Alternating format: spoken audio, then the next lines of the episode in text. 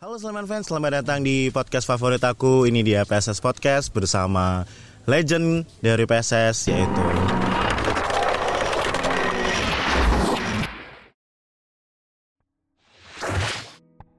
Anang Adi. Selamat sore ya. Sore mas. Sore Mas Anang. Ya. Kok terlihat gugup? Kenapa Mas? Eh, mungkin apa ya tidak terbiasa dengan di depan layar kamera mungkin. Waduh. Loh, tapi kan kemarin udah keluar episode ada ya. Lu lu. kan kemarin sempat eh, ngobrol kita tuh. Apa ya jaraknya mungkin agak lama kan. Jarang ya? Eh, Jarang-jarang seperti ini kan. Oke. Nah, tapi dulu waktu menjadi eh, pemain PSS kan sorotan dari media ataupun juga dari publik Sleman itu kan juga tidak jauh dari kamera nih. Gimana sih seorang Anang Hadi menghadapi ketika jadi pemain tuh ya? Ya ketika jadi pemain kan eh, mungkin eh, udah terbiasa lah ya. Jadi eh, mungkin setelah saya nggak main kan vakum terlalu lama eh, mungkin agak-agak saya grogi lah di apa memulai lagi di di depan kamera. Oke. Nah, kemudian nih Mas Anang Hadi. Untuk kesibukan Mas Anang Hadi selain sepak bola, di luar sepak bola. Apa aja nih kesibukannya sekarang? Eh, mungkin untuk kesibukan saat ini mas ya kan karena ini eh, masih masa pandemi ya. Jadi mungkin cuman lebih banyak di rumah saja. Eh, mungkin bercengkrama dengan anak-anak main eh, di sekitar rumah. Terus eh, mungkin eh, apa? Eh, menemani anak yang anak yang paling besar saya eh, untuk apa saja belajar online saja, daring. Nah, untuk anak-anak apakah sudah mulai terlihat nih ketertarikan mereka dengan sepak bola? Eh, untuk anak saya yang yang yang gede sih sebenarnya eh, untuk eh, kemarin pas waktu TK eh, sampai kelas 1 SD eh, sudah ikut sekolah sepak bola. Tapi karena kemarin ada pandemi akhirnya dia eh, off eh, sampai saat ini eh, kayaknya agak misalnya agak bosen ya, agak jelek lah saya. Jadi lebih senangnya main di alam sekarang. Nah, dan itu kesibukannya Mas Anang Hadi eh, ketika di luar sepak bola gitu. Dan tadi juga sempat disinggung eh, soal anaknya Mas Anang Hadi gitu. Tapi kalau masa kecilnya seorang Anang Hadi itu gimana sih? Coba dong ceritain ke Sleman fans. Kalau masa kecil saya tidak jauh dengan sungai, sawah seperti Mas Jadi Macul.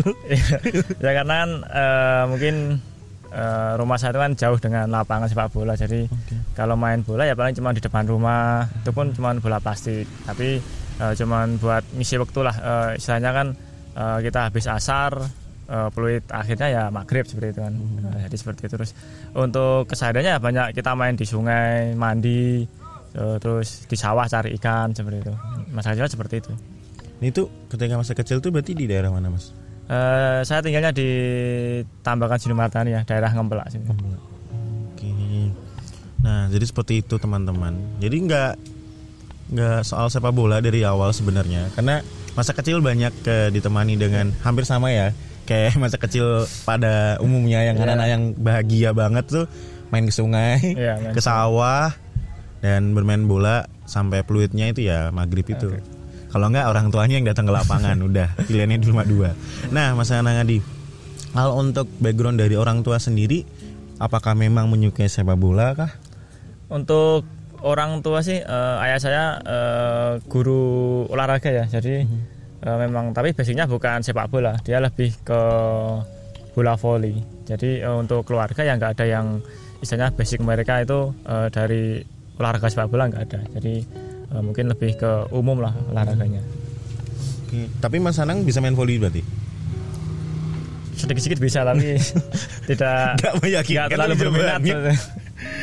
Oke, nah kalau berarti kalau mengenal atau titik di mana Mas Anang Hadi berpikiran bahwa wah mau serius nih main bolanya nih, itu datang dari siapa sebenarnya? Atau memang Mas Anang Hadi sendiri nih yang Ya menyukai? kalau awalnya kan dulu kan waktu SMA ya Mas. ya. Jadi kan eh, kita tahu kan pergaulan di SMA seperti apa seperti itu. Jadi eh, banyak pemain yang mungkin eh, banyak apa ya misalnya nakal-nakal iyalah, remaja lah ya. nakal-nakal remaja. Jadi eh, saya di saya di disuruh orang tua untuk ikut eh, zaman dulu ya SSB lah sebetulnya.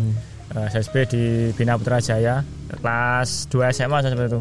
Eh, awal masuk satu tahun setelah itu eh, saya main bola ada eh, pelatih saya kan waktu itu Pak uh, Bagio Rianto dosen UNJ kan uh, waktu itu dia uh, mungkin melihat uh, ada potensi di saya jadi dia selalu bilang kamu uh, latihan yang ya yang rajin uh, insya Allah nanti kamu kalau kamu uh, tekun kamu pasti bisa main bola gitu. oke jadi titik awal ketika memutuskan bermain itu sebenarnya uh, dari SMA kelas 2 ya? Iya, SMA kelas 2. SMA kelas 2 akhirnya berlanjut dan setelah SMA berarti uh, universitas? Ya saya kuliah di UNJ mas ya, hmm. jurusan olahraga. Uh, di sana saya juga ikut uh, apa kegiatan mahasiswa UKM uh, sepak bola juga. Uh, di sana saya uh, apa ya, saya berlatih dengan pemain-pemain senior mungkin yang uh, banyak yang ikut tim-tim uh, profesional tapi yang kuliah di UNJ. Jadi saya banyak menimba ilmu di sana juga.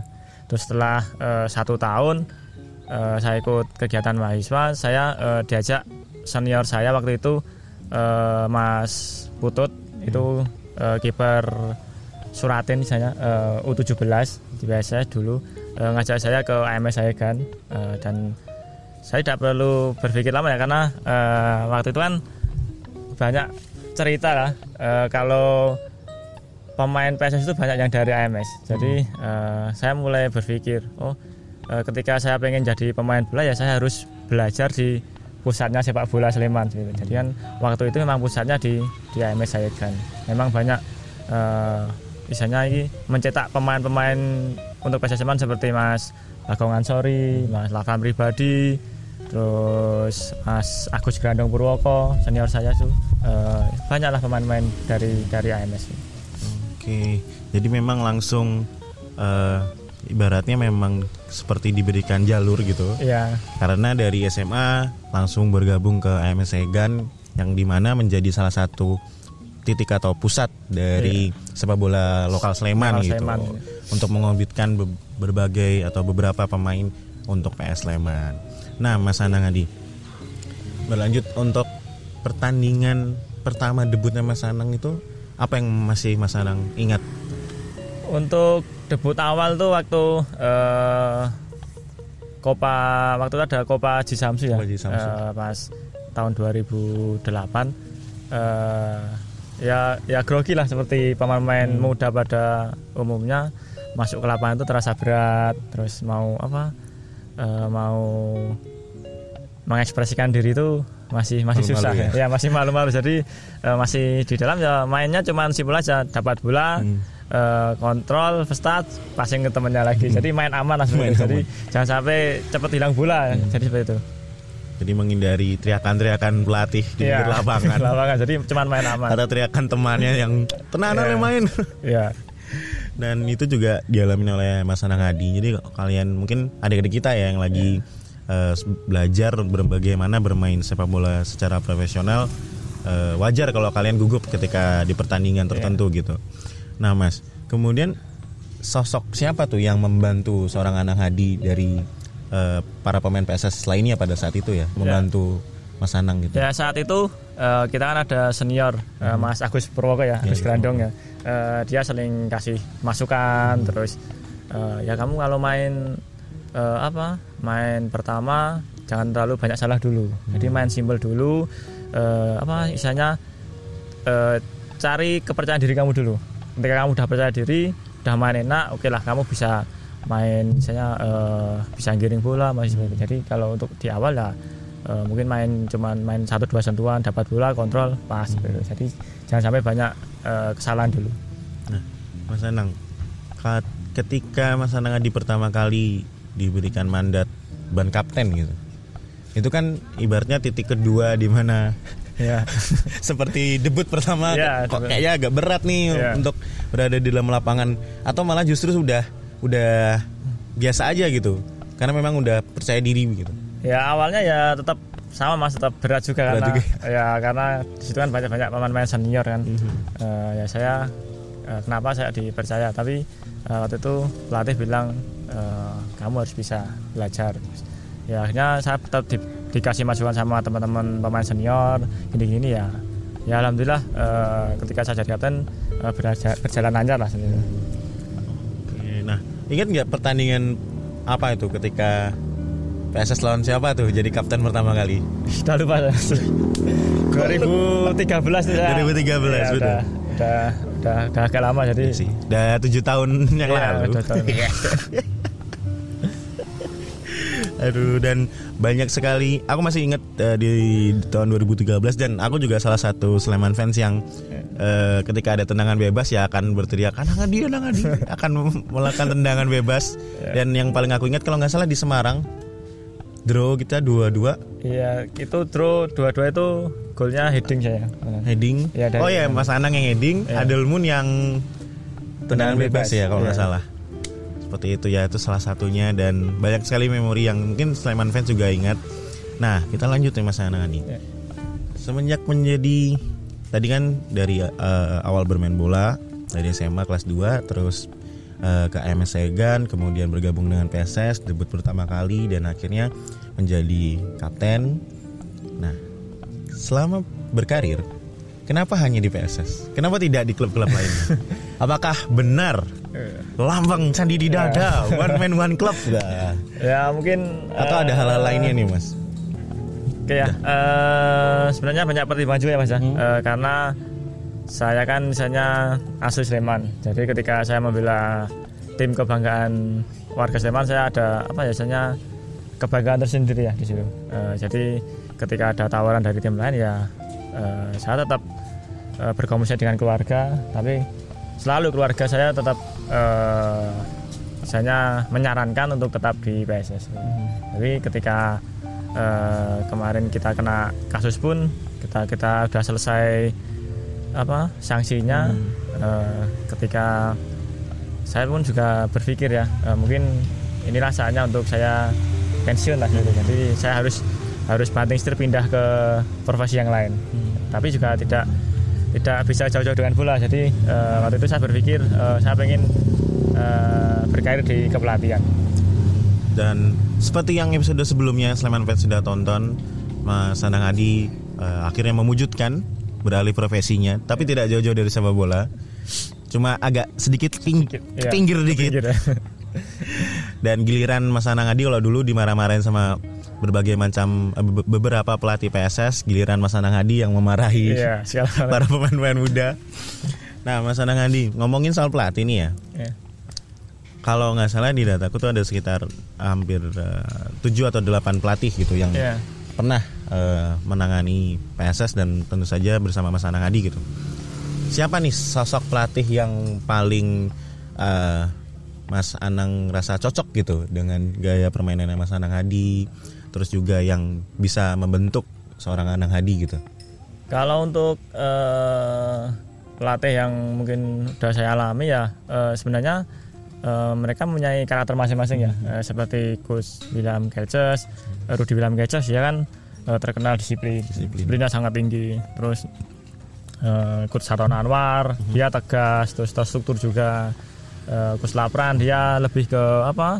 Kekeluargaan. Terus Coach Widiantoro dia lebih apa ya ke permainan yang yang cantik lah Iya. istilahnya seperti ya Eh, kayak Barcelona tek, tek, tiki taka, seperti itu kan Eh, jadi ya eh, mereka punya ciri khas masing-masing tapi eh, untuk untuk pelatih yang paling berkesan ya karena eh, di sini kan saya tetap misalnya eh, tetap respect dengan coach Rudy William Gajah Mhm. karena eh, di awal di awal berkarir saya di PSS eh, dia membentuk karakter saya eh, harus menjadi pemain sepak bola harus disiplin eh, kerja keras dan tanggung jawab. Karena eh, waktu itu kan eh, ketika saya datang coach Rudy eh, saya datang paling awal pasti paling awal. Eh, coach Rudy datangnya 15 menit setelah saya terus baru pemain-pemain yang lain.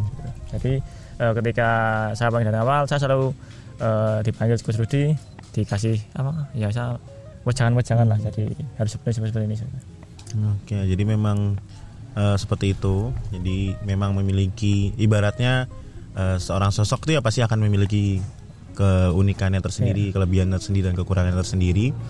Nah, jadi se- dari berbagai pelat dari beberapa pelatih yang pernah menangani PSS memang semuanya memiliki karakternya masing-masing dan juga tentunya gaya bermain seperti yang disebutkan oleh Mas Anang Adi. Tapi memang eh, coach Rudy William Keces ini juga cukup eh, apa ya kalau kalau aku menyebutnya sangat garang gitu ya. Iya, sekarang. Eh, Misalnya Ya. lihat dari tribun gitu ya mas ya. Iya. Ketika berkomunikasi dengan para pemain, apalagi ketika bertanding itu memang memang cukup galak gitu dia dan Iya. memang memiliki pendekatan-pendekatan tertentu kayak tadi yang udah diceritakan oleh Mas Anang. Nah Mas Anang Andi, untuk sekarang kita akan membacakan kemarin ini udah kita udah buka eh, open question gitu ya dari Sleman fans ada beberapa ada sekitar enam pertanyaan yang kita pilihkan. Nah ini mulai dari yang pertama. Wah tapi sebelumnya itu mas, di, kita minum dulu Oh, mas. siap. Ini Dol kopi. Ini Dol kopi menjual kopi. Lokasinya ada di Uma PSS. Ini ada tulisan Ale. Jadi kalian bisa main-main ke Oma PSS di Instagram, di Twitter juga ada. Teras Rumah PSS kalian bisa datang ke sini dan jangan lupa follow TikToknya PSS baru PS Sleman. Kalian harus follow TikToknya. Oke Mas Anang Andi, Iya. siap gak nih? Jawab pertanyaan. Oke, siap Mas. Mau yang mana dulu? Boleh, monggo pilih. Eh, mungkin yang pertama itu dulu aja. Yang pertama, yang dari siapa nih? Yang dari Muhammad. Oh, Muhammad Dri. Senang mie ayam gak? Wah, duh. Berat ini Mas. Bro, kok berat? Saya kan juga terkenal dengan mie ayam mie ayam yang enak kan? Ya, tapi eh, untuk saat ini senang ya Mas ya. Tapi Hmm. dulu waktu jadi pemain masih jadi pemain bola ya jarang makan. Jarang ya. Jarang. Ini kayak guilty pleasure-nya lah ini ya. Iya, Tapi kalau saat ini untuk pas jadi pelatih ya senang lah senang. Senang ya. Dan Mungkin lebih bebas lah Mas. itu juga jadi ini ya. Jadi pengorbanan Iya. sebagai pemain nggak bisa Pemain. menikmati beberapa makanan-makanan, apalagi makanan kayak mie ayam ini kan udah kayak Indonesia banget nih. Iya. Dan apalagi kalau di Sleman banyak banget mie ayam mie ayam Iya, yang iya. enak. Bi- Biasanya makan mie ayam di mana? Yang masnya yang favorit gitu? Kalau favorit nggak ada sih mas, tapi ya kalau kita pengen ya mampir terus ada warung Hmm. mie ayam ya mampir gitu aja. Sekarang, berarti sekarang sebagai ketika udah jadi pelatih nggak ada beban lah ya makan Ya, mie nggak ada ayam. beban lah, udah, udah sembarang makan gitu. kan. Oke, jadi gitu ya nih jawaban dari Mas Anang Adi untuk Muhammad Dri. Kemudian yang mana ini Mas? Kanan. Eh, ya kanan ya. Kanan ya dari mana tuh? Bacain aja tuh Mas. Mr. Zep, kenapa bisa cinta sama PSS? Wah. Masih manggil Cap. Iya, Sudah Cap. jadi coach sekarang. Kenapa tuh Cap? Wah, jadi Gimana Cap ya? Eh, mungkin ya udah udah kalau orang jatuh cinta pada pandangan pertama itu ya sulit dilupakan lah mas ya. Jadi Mhm. eh, saya main pertama di PSS ya udah terlanjur senang cinta ya sampai kapan pun ya tetap tetap cinta lah nggak bisa nggak bisa Bisa berpaling ya. ya berpaling lah sulit ya Ceroy. Seperti itu Ya. dan mungkin juga eh, ketika kita nanya balik ke Mr. Zep ini juga Ya. pasti jawabannya juga nggak jauh beda ya. Jauh beda, Tetap sama. pasti soal cinta lah. ya. Iya. Kalau udah ngomongin PSS nih. Nah, next siapa nih, Mas? Mana yang mau dipilih? Yang Elja komik gitu Wah, Elja Komi. Ya, itu. Besok rencana mau lanjut jadi coach PSS senior enggak mas? Waduh. Pertanyaan yang cukup serius ini. Iya serius ini. Kalau eh, rencana sih ada ya mas ya. Mhm. Eh, siapa pun pelatih ya pengen pasti pengen lah eh, dia melatih apa tim-tim senior lah apa tim tim-tim Liga 1 seperti itu kan Mhm. apalagi ke timnas ya tapi eh, tidak memungkiri saya tetap eh, harus melalui sebuah proses ya Iya. jadi saya tidak bisa eh, instan langsung dari sini langsung ke atas. Mhm. jadi saya tetap eh, berprinsip eh, dari bawah dulu step by step eh, nanti eh, misalnya kalau ada jalan ya eh, dimanfaatkan seperti itu. dan memang eh, ini juga jadi hal yang baik untuk teman-teman Sleman fans yang lagi nonton. Apa pun keinginan kalian pasti akan harus ada proses yang dilalui. Ya harus ada proses. Walaupun impian kita cukup tinggi gitu misalnya tapi ya itu kita harus step by step naik tangga satu persatu. Dan semoga besok mungkin dari sekarang latih akademi Ya. usia 18 18 besok mungkin langsung yang U20 20 Nah, kemudian beberapa tahun lagi langsung melatih yang senior. amin Habis itu langsung dapat surat melatih timnas. Wah, kalau ngelatih timnas pemainnya mayoritas aku request titip Gimana? 50% dari Sleman lah semuanya. Ayo kita nonton timnas. Tapi itu jadi eh, harapan ke depan ya Mas? Ya harapan ke depan Amin, tetap amin, amin. eh, menjadi motivasi lah. Eh, pencapaian-pencapaian itu kan harus kita harus ada eh, untuk agar kita tidak apa tidak eh, terhambat di satu satu sisi ya. Tuh dan kalau nggak salah juga tet- beberapa waktu yang lalu lisensi B ya. Ya saya sudah lisensi B, AFC. AFC. Tinggal secara lisensi tinggal dikit lagi kan ya sebenarnya. Tinggal sebenarnya kan untuk Liga 1 tinggal satu step lagi. Satu step lagi. Nah, tapi untuk yang B ini kan untuk Liga 2 udah bisa. Oke. Jadi kalau oh, oke ya minimal A ya kalau yang Iya, minimal A. ya. Oke, seperti itu. Jadi kita tunggu saja beberapa tahun lagi. Semoga saja Mas Oh, coach Anang. Aduh. Oke. Coach wah. Pilih yang mana lagi nih coach? Eh, mungkin yang itu Dio Pangrelsa. Kenapa memilih angka 8? Wah, iya ini menarik juga nih Menarik angka juga, 8. Eh, mungkin Sebentar Mas, sorry. Dari ya, waktu debut itu udah pakai angka 8 belum? belum. Belum Jadi ya. eh, mungkin di awal debut saya pakai nomor 20 ya. Sebenarnya nomor 20 itu pemberian dari eh, Mas Puji ya.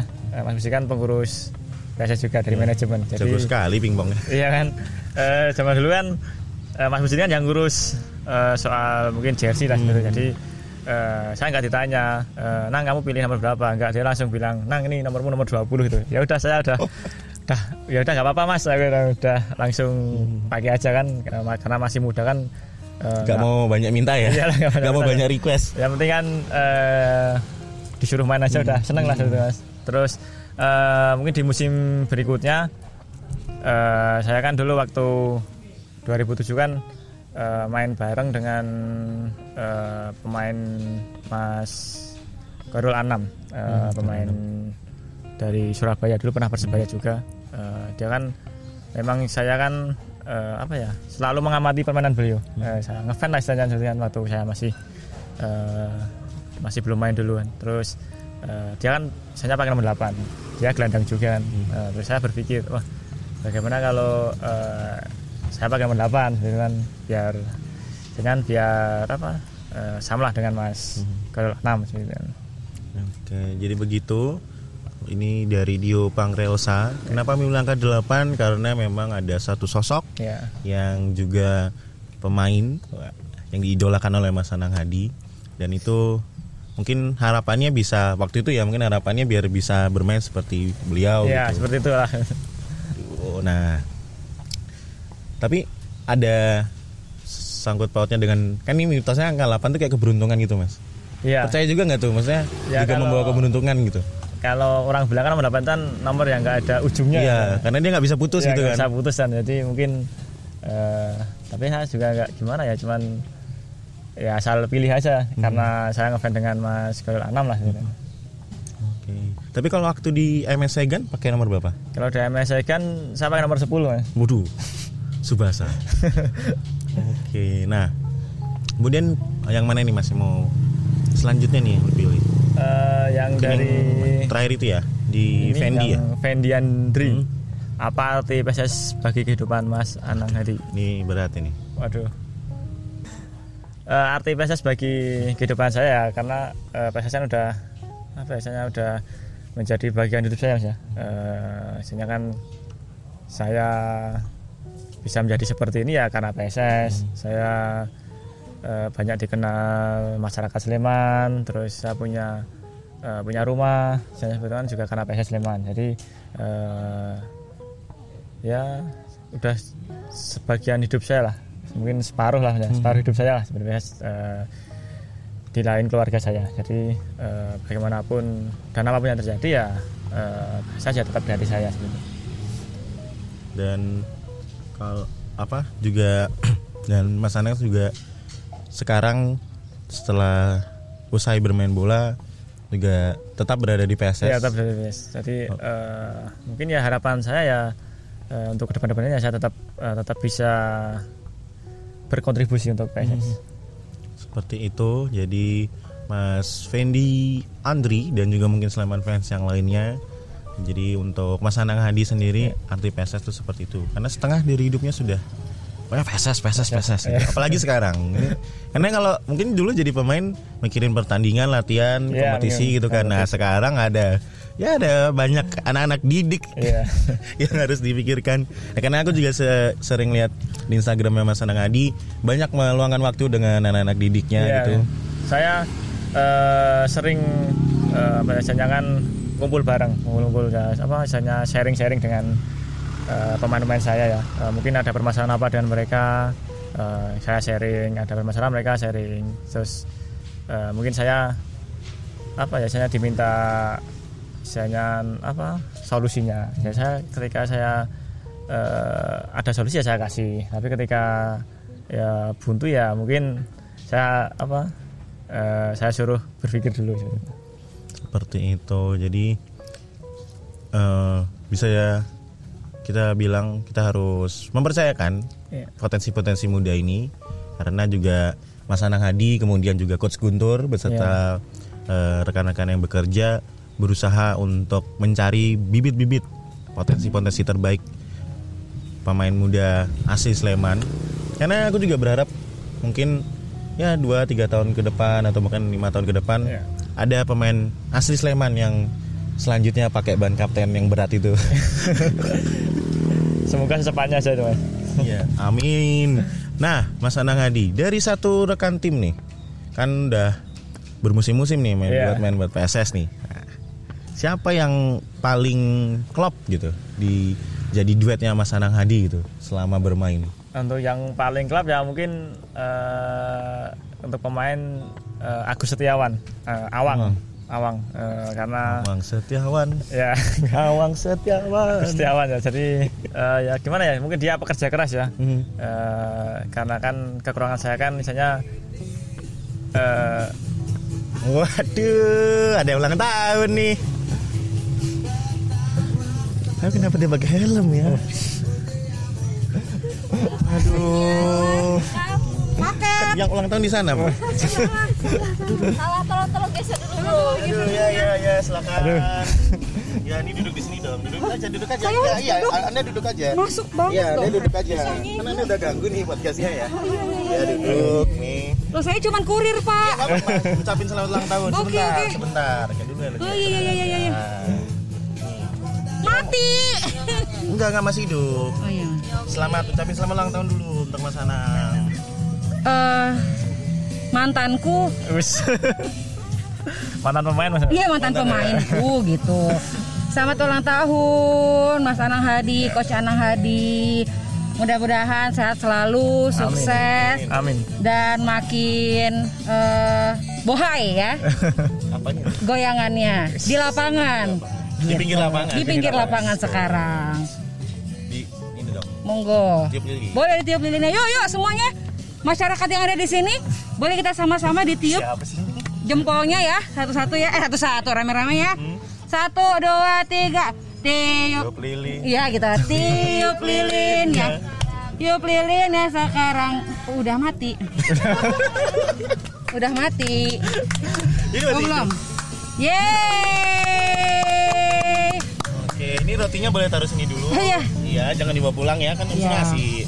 Ya, terima kasih. Oke, terima kasih ya. Terima kasih ya mbak ya. Ini bisa Ini boleh tolong dicopotin. Saya mau kembali mengantar paket dulu nih. protokol kesehatan. Kesehatan. Silakan.